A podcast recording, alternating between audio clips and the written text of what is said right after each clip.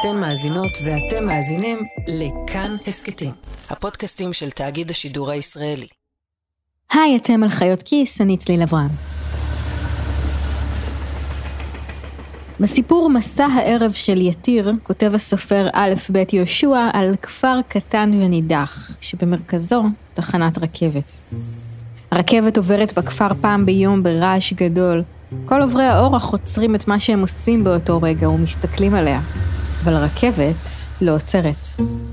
לשווא ביקשו פרנסי הכפר הראשונים את חברת הרכבות לעצור רכבת זו, להשהותה בכפר יתיר ולו לדקות ספורות, כותב יהושע. מנהיגי החברה סירבו בתוקף. דרך ארוכה ומייגעת עושה רכבת האקספרס ושעתה דוחקת מכדי שתיעצר בכפר הרים לא חשוב זה. מהירה תחלוף על פניהם, תחלוף בלבד, תחלוף מדי ערב.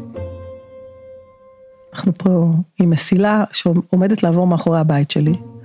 אני עומדת לשמוע את הרכבות כל עשר דקות, רבע שעה, ולא להיות מסוגלת לעלות עליהם. זה כמו שיעשו קו אוטובוס ללא תחנות. כלומר, הנוסעים יוכלו לנופף לנהג מבחוץ, לא יוכלו לעלות עליו. זה בדיוק מה שיקרה פה. משרד התחבורה, רשויות התכנון, השלטון המקומי ומשרד האוצר, כולם מעבירים לנו בזמן האחרון מסר מאוד מדויק. הגיע הזמן שאנחנו, הישראלים, ניגמל מהרכב הפרטי, והן הרשויות יעשו מה שצריך כדי לגמול אותנו. הן יצמצמו מקומות חנייה, יהפכו נתיבים רגילים לנתיבי תחבורה ציבורית, וישיתו אגרות גודש. מה שצריך כדי שאנחנו נבין שאין ברירה, וחייבים לעבור לתחבורה ציבורית. אבל זה לא כל כך פשוט. בפייסבוק של שרת התחבורה, מרב מיכאלי, מתחת לכל אחד מהפוסטים, לא משנה באיזה נושא, יש תגובות של אזרחים כועסים. למה אין יותר רכבות בצפון? מה עם אוטובוסים לאוניברסיטה העברית? למה אין יותר רכבות מאשקלון לתל אביב? מה עם מטרו בראש העין? מה עם רכבת באילת? ומה עם עמק יזרעאל? ומה עם הגליל המערבי? כולם מבקשים מהמדינה שתביא את המהפכה ותעביר אותם לתחבורה ציבורית. אבל התשובה שהם מקבלים היא, אוטוטו זה קורה, ממש תכף. תמשיכו לנסוע ברכב הפרטי בינתיים. אז השבוע בחיות כיס, סיפור על תושבים שמחכים 20 שנה לרכבת, אבל ברגע האחרון הוחלט שהרכבת תחלוף על פניהם. התחושה היא של מחנק. אנחנו כל הזמן עסוקים אה, באופרציה, במקום לעסוק בחיים עצמם. על תוכנית תשתית בת עשרות שנים ומיליארדי שקלים שקוצצה ברגע האחרון. ואנחנו לא יכולים לצאת היום לעבודה, אנחנו לא יכולים לחכות עוד 15 שנה. ועל מי שנשארים מאחור כשרפורמת התחבורה הציבורית של משרד התחבורה דוהרת קדימה.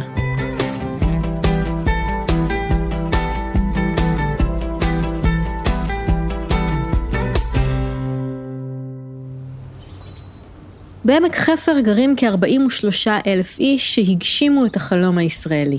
רובם חיים במושבים ובקיבוצים, בבתים צמודי קרקע רחבי ידיים, ששבילים קטנים מתפתלים ביניהם.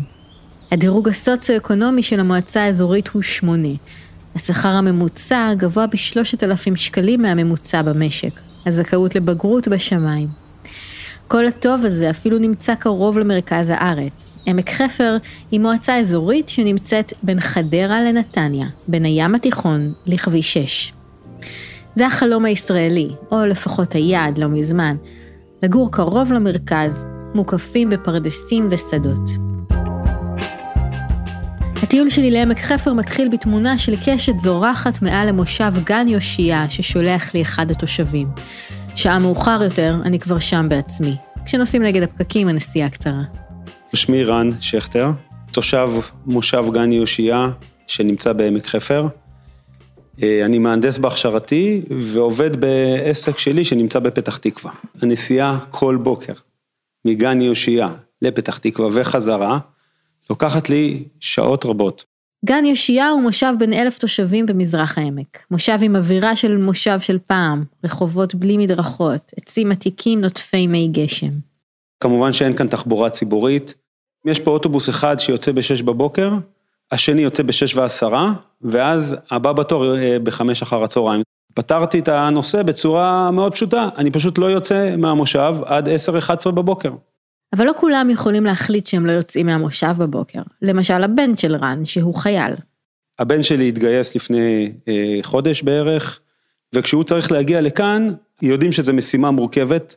הצבא אפילו מכיר בזה, הצבא נותן להם עוד אה, שעה או שעתיים בחזרה, להגיע יותר מאוחר, כי הם יודעים שזה אזור מרוחק, אבל אנחנו בעצם לא אזור מרוחק, אנחנו במרכז הארץ, אבל מבחינה תחבורתית אנחנו יותר רחוקים מהפריפריה. בעמק חפר עוברים כביש 6, כביש 4 וכביש 2. גם הרכבת עוברת בה בנסיעתה מחיפה לתל אביב, ויוצרת בשני הקצוות של העמק, בחדרה ובנתניה. אבל הקרבה לכבישים ולתשתיות הפכה מיתרון עבור אנשי העמק לבעיה הגדולה שלהם. אם כביש 4 פקוק, אם יש תאונה בכביש 6, אז זה משפיע עלינו על כל האזור, בוואטסאפ המושבי, פשוט אומרים לא לצאת מהבית, פשוט לא לצאת מהבית. אני עומד בכניסה למושב, אני פשוט לא יכול לצאת. הפקקים בעמק חפר הם שיחת היום ומרכז החיים. הם קובעים את סדר היום של התושבים, אבל יותר מזה, הם מגבילים את המצב התעסוקתי שלהם. זה למשל מידע תושב היישוב הגדול ביותר בעמק, בת חפר. אני יועץ ארגוני, יש לי חברת השמה גם, ופעילות אה, חוץ, מחקר, סקרים וכדומה. עשיתי חישוב מסלול מחדש. סגרתי משרד מאוד גדול עם הרבה מאוד עובדים, אבל בסופו של דבר נשברתי, והחלטתי שאני עושה איזשהו שינוי. גם אשתו של מידד עשתה שינוי בקריירה, כי היא לא הצליחה להגיע לעבודה. אשתי עבדה בחברת MSC, חברה גדולה מאוד שיושבת בחיפה, וגם היא באיזשהו שלב אה, נשברה. גם אופירה ובן זוגה עשו שינוי. אני מנהלת אה, סמנכ"לית כספים ורכש בחברה שלנו, שנים הייתה בכפר סבא, ונשבר לנו לנסוע שעה וחצי בבוקר ועוד אה, שעה וחצי, שעתיים חזרה, אז סגרנו את המשרדים שם, ואנחנו עובדים עכשיו מפה, מהיישוב. בקרוב תסתיים הבנייה של שכונה חדשה בבת חפר, ובמקום 43 אלף תושבים בעמק כולו, יהיו כמעט 50 אלף. במועצה האזורית מנשה, מעבר לכביש, גרים עוד כ-27 אלף.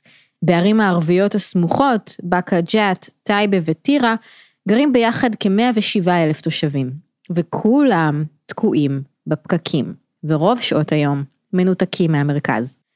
איך זה יכול להיות שהמדינה לא נתנה לכל היישובים האלה פתרון? בשבילי, אין כמו התיאטרון. להתחבר לסיפור, להתחבר לדמות, זה מה שמניע אותי. ואתם, תנו לי לספר לכם על מיזם אחד שכולכם הולכים להתחבר אליו. תכירו את המסילה המזרחית. משרד התחבורה התחיל לתכנן את מסילת הרכבת שתחצה את עמק חפר מצפון לדרום בתחילת שנות האלפיים. מיזם דגל של חברת נתיבי ישראל, שהולך לשנות את החיים של כל אחד ואחת מכם. מסילה, הצגה.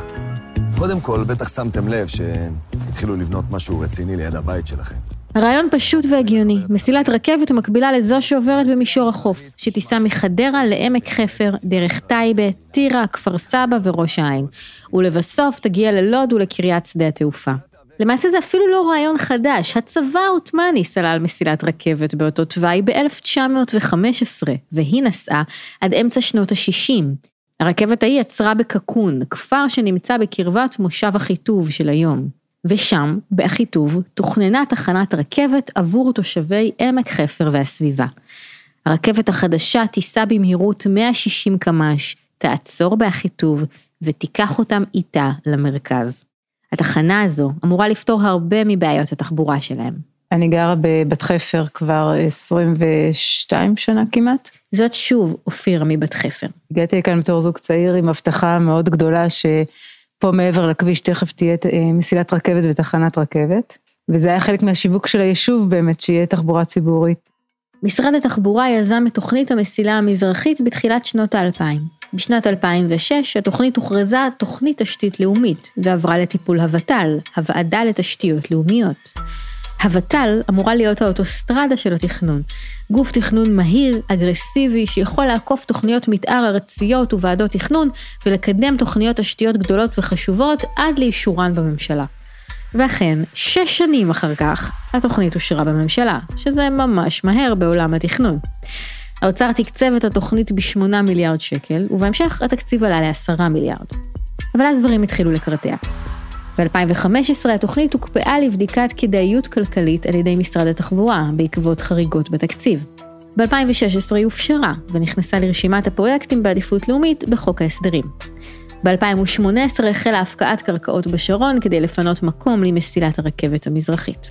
אנחנו בעצם באנו ושכנענו את אותם חקלאים כמובן שהם פוצו בצורה מינורית, אבל שכנענו אותם לתת את השטחים בהליך מהיר, בלי התנגדויות ובלי לעשות בלאגן ובלי להקשות על התוכנית. וב-2019 חברת סולל בונה זכתה במכרז לסלילת המסילה והתחילו העבודות. שנתיים אחרי, לא רחוק מגן יאשיה, כבר עומד גשר גדול ומרשים, בולט בנוף המישורי של שדות וחממות, שכמעט נוגעות במקום שבו תונח המסילה. מתחת לגשר אפשר לראות מין תעלה שבקרוב תהיה מסילת רכבת, ומעליה כלים כבדים עובדים במרץ. לא רחוק אפשר לראות צריף קטן, תחנת הרכבת אחיטוב או קקון של אז. לצד הגשר כבר סלולים שבילי אופניים רחבים שמובילים מהמושבים בסביבה לתחנת אחיטוב. זה בעצם הקטע שצריך, ש, שגם אנשי בת חפר בעצם ירכבו כאן באופניים ויגיעו למתחם התחנה, ובעצם בכיכר הזאתי אנחנו עכשיו כבר מגיעים למעגל תנועה, הפנייה שמאלה היא כבר לתוך שטח התחנה, איפה שרואים את המשאית כרגע. הכל כמעט מוכן, רק תחנה אין. כשעלה הקבלן לשטח, אה, אנחנו כמובן התיידדנו איתו, כי זה חבר'ה שעובדים פה קרוב, קפה, תה, עוגיות, כל מה שצריך אה, למי שעובד בשטח. ואז אה, הוא כזה זורק לנו, תגידו, למה אתם לא עושים פה רעש שביטלו לכם פה את התחנת רכבת? התושבים אמרו לו, מה? על מה אתה מדבר? הנה פה התחנה, אתם בונים אותה. הוא אומר, מה, אתם לא יודעים? קיבלתי הוראה לא לבצע את התחנה. התושבים התקשרו למועצה האזורית עמק חפר. הם לא יודעים על מה מדובר. התקשרנו למועצה האזורית מנשה, לאף אחד אין שמץ. במאי 2020, אחרי שמירי רגב החליפה במשרד התחבורה את בצלאל סמוטריץ', התחנה בוטלה. נתיבי ישראל בעצם קיבלו הודעה רשמית ממשרד התחבורה ביוני 2020, לא לבנות את תחנת הרכבת באחיוב, לא, אפילו לא להניח את התשתיות לתחנה. בסופו של דבר רן והתושבים האחרים הצליחו לדבר עם בכירים במשרד התחבורה. ואז התחלנו אה, לחפור ולהבין איפה זה נתקע, ופשוט לא היו תשובות. אמרו, מה אתם רוצים, תחנת רכבת ליישוב של אלף אה, תושבים, אחיטוב? ככה אמרו לנו. כמובן שאמרנו להם שזה לא נכון, זה מדובר על אזור שלם שיהיו מאה אלף תושבים ב-2025, עכשיו יש בערך 70 אלף. אני לא בטוחה איך נשמעת הנחת ייאוש שעולה בבת אחת מ-41 יישובים כפריים קטנים.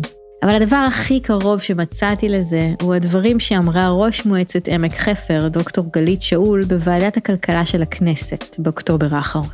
עמק שלם שלא יכול להגיע, 41 יישובים, אין יכולת לאף אחד, לאף אחד להגיע, לא לעבודה, לא למקום הבית, וזה רק בתוך עמק חפר. אני לא מדברת על זה שצריכים להגיע לפקקים לתל אביב, שכמובן יש בכל כביש החוף ובכל מקום אחר. התוצאה של הדבר הזה היא פשוט חוסר יכולת לחיות ל-43 אלף תושבים שלנו בעמק חפר, שבשבילם להגיע לתחנת רכבת זה אומר uh, לנסוע משהו כמו שעה, שעה וחצי כדי להגיע לחדרה או לנתניה. איך אפשר לבוא ל-100 אלף תושבים ולהגיד להם, אתם לא נחשבים? 20 שנה סתם אמרנו.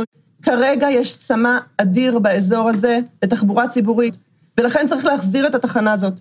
ואם לא התחנה הזאת, תחנה לידה. אבל שימו תחנה במזרח עמק חפר לשרת את כל עמק חפר ואת כל התושבים של האזור. תודה. 20 שנה המדינה מתכננת פרויקט, עוד ארבע שנים נשארו עד שהוא יהיה מוכן. וברגע האחרון מחליטים להוריד את הנוסעים מהרכבת? איך זה יכול להיות?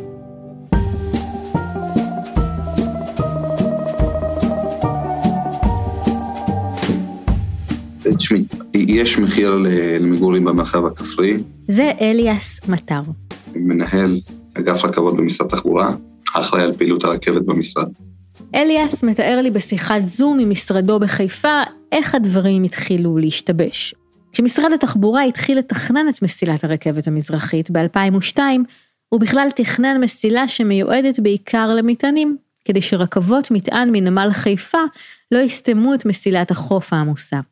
כיוון שהמסילה הזו בכל זאת עוברת ליד כמה ריכוזי אוכלוסייה, הוחלט שכן ייסעו בה גם רכבות נוסעים, ושהן יעצרו בכמה תחנות. אבל אחרי שהבנייה החלה, שמו לב באוצר שהפרויקט חורג מהתקציב. היו מספר דיונים עם האוצר, שביקשו לכנס את הפרויקט הזה לתקציב שהיה בהחלטת הממשלה, ונעשו כל מיני צעדים בפרויקט הזה כדי כן לכנס אותו לתקציב. כמעט בכל פרויקט למעשה יש אה, איזשהו סף תקציבי שצריך להתכנס אליו. באוצר הציעו שהרכבת רק תסיע מטענים בין חדרה לקריית שדה התעופה, בלי תחנות בכלל. בסופו של דבר, משרד התחבורה הגיע איתם להסכמה שמתוך תשע תחנות יהיו על הקו חמש. במשרד התחבורה המליצו שכן תיבנה הכנה לארבע תחנות שיבוטלו, כדי שבהמשך יוכלו לבנות אותן בקלות אם ירצו. אבל האוצר התנגד גם לזה. וככה חסכנו על כל תחנה משהו כמו 150 מיליון שקל, תלוי איזה תחנה בדיוק, ועל ארבע תחנות יותר מחצי מיליארד. את תושבי עמק חפר זה משגע, זה שוב רן שכטר. העניין הוא שהשקיעו 12 מיליארד שקל וחסר להם באמת את הגרוש ללירה, ואנחנו תמיד נכשלים בזה. כל הטענה שלנו זה שבאמת חסר פה ממש כסף קטן. כדי להחליט איזה תחנות יישארו, במשרד התחבורה בנו דירוג. כל תחנה קיבלה ציון משוקלל. מילת המפתח פה היא ביקוש. מחולל הביקוש הוא התרגום של כמות הנסיעות והמוצא ויעד, מאיפה האנשים מגיעים. ובסוף הדבר הנכון הוא למקם מערכות הסעת המונים בסמיכות למוקדי הביקוש, כדי לא לייצר קישוריות שהיא לעיתים אה, לא נדרשת, או לייצר אה, קישוריות שהיא אה, מלאכותית. זה אומר, כדי שלא כל תושבי היישוב יצטרכו לנסוע ברכב הפרטי או באוטובוס עד לתחנה ואז לעלות על הרכבת, כמו שקורה בהרבה תחנות בארץ. ולכן מנסים למקם את התחנות רכבת ואת כל המערכות הסעת המונים הכי קרוב שניתן לשימוש בהם. 50% מהציון בדירוג שערך משרד התחבורה היה הביקוש לתחנה, כמה אנשים השתמשו בה. הקריטריונים הבאים היו מרחק מהתחנות האחרות, תפעול, הנדסה ואפשרויות תחבורה אחרות באזור. ולפי הדירוג הזה, התחנה שקיבלה את הציון הכי גבוה היא אלעד. בגלל ביקוש גבוה מאוד. אחריה בדירוג הגיעה תחנת טייבה, גם שם הרבה אנשים צפויים להשתמש בתחנה, ובנוסף, אין מספיק תחבורה ציבורית באזור. אחריה, במקום השלישי, תחנת קריית שדה התעופה, כיוון שמדובר באזור תעסוקה גדול. למקום הרביעי הגיעה תחנת אחיטוב, ואחריה דורגה תחנת טירה, שבה יש המון ביקוש לתחבורה ציבורית ופקקים קשים. אחר כך הגיעו תחנות לוד צפון, ראש העין דרום וכפר סבא, כולן נדחו בינתיים. לסיכום, המליץ מנהל התכנון ארוך הטווח במשרד התחבורה לבנות את תחנות טייבה, טירה, אלעד ושדה התעופה. למרות שהחיטוב יצאה במקום הרביעי בדירוג, הוחלט שלא לבנות אותה. ומבחינת משרד התחבורה, כאן הסיבה כבר לא תקציבית. הסיבה קשורה למסילת רכבת אחרת. בשביל להסביר את זה אני צריכה שתעזרו בדמיון שלכם, או שתחפשו בגוגל מסילת הרכבת המזרחית. קו הרכבת שלנו היה אמור לצאת מחדרה ולרדת לכיוון דרום-מזרח לאחיטוב שבעמק חפר. בדרכו לשם הוא היה אמור לחלוף קרוב לבאקה אל-גרבייה. באקה אל-גרבייה היא עיר בצפון השומרון על גבול הקו הירוק. יחד עם היישוב ג'ת, שאיתו אוחדה ב-2003, היא מונה כ-34 אלף תושבים. כיוון שבאקה נמצאת כמה קילומטרים אחדים מצפון לאחיטוב, התושבים שלה היו אמורים להשתמש בתחנת אחיטוב, למעשה אפילו יותר מתושבי עמק חפר. היא, כמו שאליאס מכנה את זה, מחולל הביקוש העיקרי של תחנת אחיטוב. אבל אז הוחלט שתהיה יום אחד תחנת רכבת בבאקה. אותם 35 אלף אנשים שגרים בבאקה והיו אמורים לנסוע מתחנת אחיטוב, אז עכשיו תהיה להם תחנה משלהם בבאקה, ושם תעבור רכבת אחרת, שתיקח אותם לחדרה, ומשם לתל אביב, ואז הנוסעים מבאקה לא יבואו לאחיטוב. אז אם כל הנוסעים של באקה ישתמשו בתחנת הרכבת של באקה, באחיטוב יישארו רק הנוסעים מעמק חפר, ואלה לא מספיק נוסעים. אם הרכבת תעצור באחיטוב כדי להעלות רק מעט נוסעים שיגיעו מהעמק ותמשיך, זה לא שווה. אנחנו רוצים לייצר לאנשים אה, תנועות רכבת במהירות אה, סבירה ובזמנים, כלומר אנחנו רוצים לקשר את הפריפריה היותר רחוקה למרכז בזמני נסיעה שהם סבירים. קיבוע תחנות נוספות שהביקוש שלהן הוא לא גבוה, הוא מייצר אובדן זמן למוקדי הביקוש המשמעותיים. כלומר, הרבה אנשים מפסידים, גם אם זה מעט, הרבה אנשים מפסידים אה, זמני נסיעה בהחלטה מהסוג הזה. זה כמו בסיפור של אתגר קרת, נהג האוטובוס שרצה להיות אלוהים. שם הנהג לא עוצר את האוטובוס למאחרים, כי הוא עושה חישוב שיש באוטובוס 30 נוסעים. וגם אם כל אחד מהנוסעים מפסיד רק דקה אחת בגלל העיכוב, והמאחר מפסיד נגיד רבע שעה, יוצא שיותר הוגן לא לעצור. גם אם כל אחד מהנוסעים ברכבת מפסיד רק חמש דקות כי היא עוצרת גם באחיטוב, בסופו של דבר זה מסתכם בחוסר יעילות גדול. חוסר יעילות שהפתרון שלו עלול להיות בהמשך רכבת שפשוט תדלג על תחנת אחיטוב. ואם ככה, אז למה מלכתחילה לבנות אותה? זה שוב אליאס מטר ממשרד התחבורה. אנחנו משלמים היום מחיר על, על תחנות שהוקמו במקומות שהם לא, לא נכונים. אה, גם הם רואים תחנות שאין בהן כמות נוסעים ואין בהן שימוש, וזה חבל. זה באמת באמת לא משרת נכון את התפעול הרכבתי. ההחלטה במקרה הזה, גם אם היא הייתה לפני כמה שנים במוסדות התכנון להעתיק את התחנה הזו צפונה, היא בעיניי החלטה נכונה, מקצועית, סבירה מאוד. בסופו של דבר במשרד התחבורה צריכים לבחור, ולפי סדר העדיפויות שלהם היום הם מעדיפים לחבר עיר גדולה עם מרכז תעסוקתי גדול, מאשר אזור במרחב הכפרי. במקום שתושבי הערים הסמוכות ייסעו לעמק חפר, עדיף שהתחנה תהיה אצלם, בערים, ושתושבי עמק חפר ייסעו לטירה, לטייבה ולבאקה. תשמעי, יש מחיר למגורים במרחב הכפרי, וזה נכון. אין ספק שבסדרי העדיפות אה, של אה, הנגשת התחבורה הציבורית, אנחנו, יש לנו פער מאוד מאוד גדול להשלים, והוא פער בעיקר בעיקר איפה שנמצאים ריכוזי האוכלוסין וריכוזי התעסוקה. ושם אנחנו רוצים אה, לעשות את ההקלה ולצמצם את השימוש ברכב פרטי. אין ספק שהצמצום שם ברכב הפרטי יאפשר לתושבי המרחב הכפרי גם להתנייד במשכי זמן יותר סבירים ממה שהם מתניידים בהם היום, או במה שהם יתניידו בהם בעתיד. לתושבי עמק חפר כל ההסברים האלה ממש לא נראים. קודם כל, הם בכלל לא מאמינים שהם יראו בעתיד הקרוב, או הבינוני, תחנה בבאקה, כי התחנה בבאקה עדיין בשלבי תכנון. הם מחכים כבר 20 שנה לתחנה שב-2002 הייתה בשלבי תכנון. עכשיו, כשהיא כבר בשלב הביצוע, מחזירים אותם במין משחק סולמות וחבלים שוב לשלב הראשון. במשרד התחבורה אומרים שתחנת באקה מתוכננת ל-2030, 2032, ושהם אפילו יעשו מאמץ להקדים אותה ל-2028, וזה כבר רק שנתיים אחרי תחנת אחיטוב, שאמורה להיפתח ב-2026. אבל תושבי עמק חפר לא מאמינים שזה ייקח פחות מ-15 שנה, ואולי אפילו 20. וחייבים להודות שאחרי שהמסילה המזרחית לקחה 24 שנים, אפשר להבין אותם. זה שוב רן שכטר. אנחנו לא יכולים לצאת היום לעבודה, אנחנו לא יכולים לחכות עוד 15 שנה. הם אומרים, תראו, אם לא נצליח להקים את תחנת באקה, אז אנחנו נחזור לתחנת אחיטוב. אנחנו אומרים, לא, צריך גם תחנת באקה וגם תחנת אחיטוב. גם הפתרון של תחנות טייבה וטירה לא נשמע מספיק טוב לתושבים ששוחחתי איתם. זאת אופירה. כדי להגיע לשם בשעות הבוקר, זה גם משהו כמו 50 דקות. באיזשהו שלב בשיחה עם מידד ואופירה עלה לדיון גם הפיל שבחדר. העובדה שבאזור מתוכננות שלוש תחנות בערים ערביות, אבל התחנה בעמק חפר בוטלה, גורמת לתושבים להרגיש מופלים לרעה.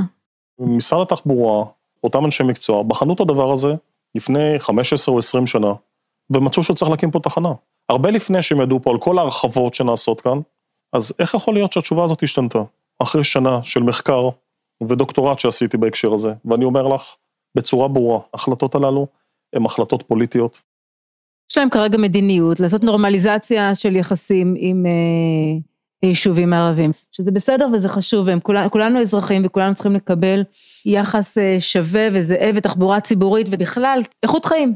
את, את מוזמנת להגיע לפה בערבים, לשמוע את מה קורה מעבר לגדר, את היריות, את המואזין, את הכל. ואם אנחנו לא נהיה פה ונגיד אוקיי, אנחנו עוברים, מהר מאוד, בת חפר לא תהיה בת חפר, תהיה שווייקה, היא תהיה צביוני טול כרם.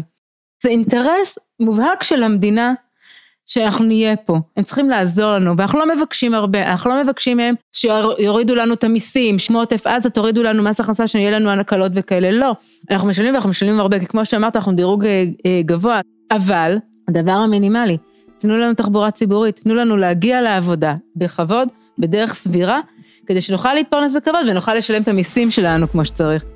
כמו כל דבר אחר בשיח הציבורי שלנו, גם ויכוח על מיקום של תחנת רכבת נעשה מהר מאוד עניין מגזרי. וכמו בהרבה מקרים, הניסיון לתקן אפליה בת עשרות שנים גורם לאחרים להרגיש שהזכויות שלהם נגזלות.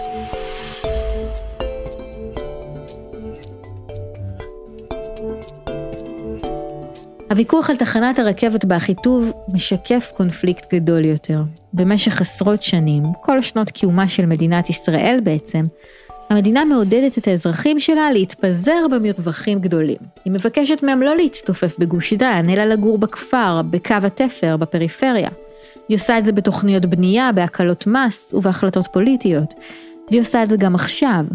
רק לאחרונה הודיעה שרת הפנים על הקמת שני יישובים חדשים בגולן ויישוב חדש בעוטף עזה, ועוד היד נטויה. גופי התכנון קידמו בחריצות ובאגרסיביות הקמה של יישובים כמו בת חפר. אבל מי שהגשים את החלום הציוני ונענה לבקשת המדינה להתפזר במרחב, מגלה עכשיו שלפיזור הזה יש מחיר תחבורתי כבד מאוד. שהבעיות התחבורתיות שם כל כך קשות, שגם המדינה לא מתכוונת לשים אותן בראש סדר העדיפויות שלה.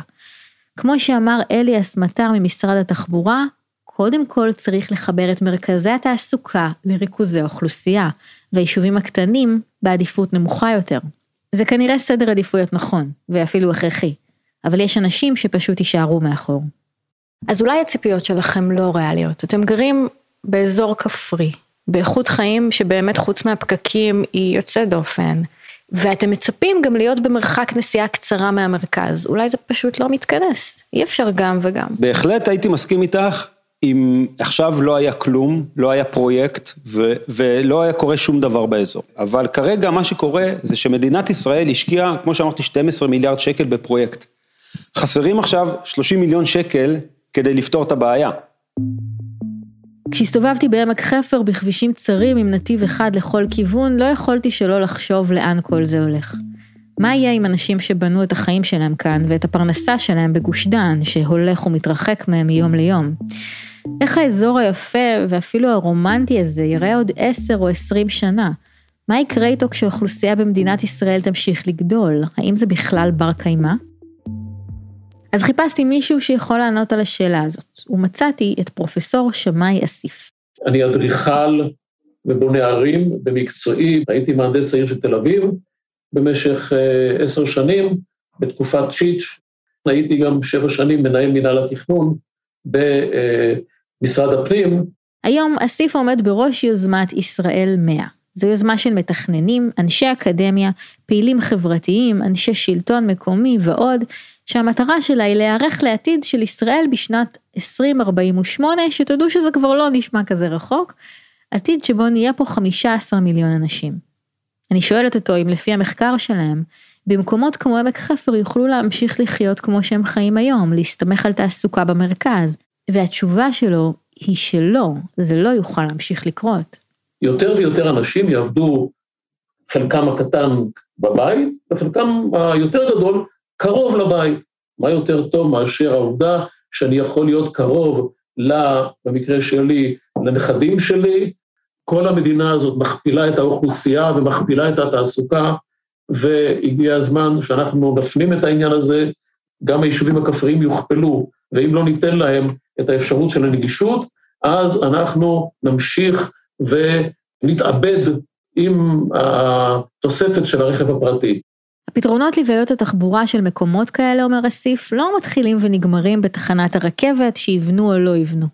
אנחנו באנו עם הכלי שנקרא תחבורה כשירות, שמסתכל קודם כל על המייל האחרון או הראשון, על באמת איך להביא את התחבורה עד הבית. חזון התחבורה של אסיף מסתכל על הרכבת רק כפתרון אחד מבין רבים. זה לא מספיק. בנוסף, הוא אומר, צריך להקל על אנשים לעבור בין מושב למושב, בלי שהם יצטרכו להיכנס למכונית, או אם הם בני נוער או קשישים, בלי שיצטרכו להסיע אותם. לשם כך צריך להסתכל על מגוון רחב של כלי אה, תחבורה או שירותי תחבורה, החל מהליכה ברגל, דרך אופניים ואופניים חשמליים וקורקינטים וכולי וכולי, שילכו ויתקדמו, ואם יש להם נתיב בלעדי שמיועד להם. ראו מה קורה בדנמרק, כיצד מגיעים אנשים, כולל ילדים קטנים, מרחקים ארוכים מאוד אה, באופניים ודומיהם. בפרק 200 דיברנו על תחבורה על פי דרישה, מיניבוסים שאין להם קווים קבועים והם אוספים ומורידים נוסעים לפי הביקוש, אחרי שמזמינים נסיעה באפליקציה. שירות כזה שנקרא קוויקר יש בעמק חפר ובעוד מקומות בארץ בשם באבל או טיק טק, וזה פתרון טוב, אבל לא תמיד יעיל ולא מתאים לכל מטרה. בכל מקרה, בין כל האפשרויות האלה, אומר שמאי אסיף, צריך לחבר ממשק אחד.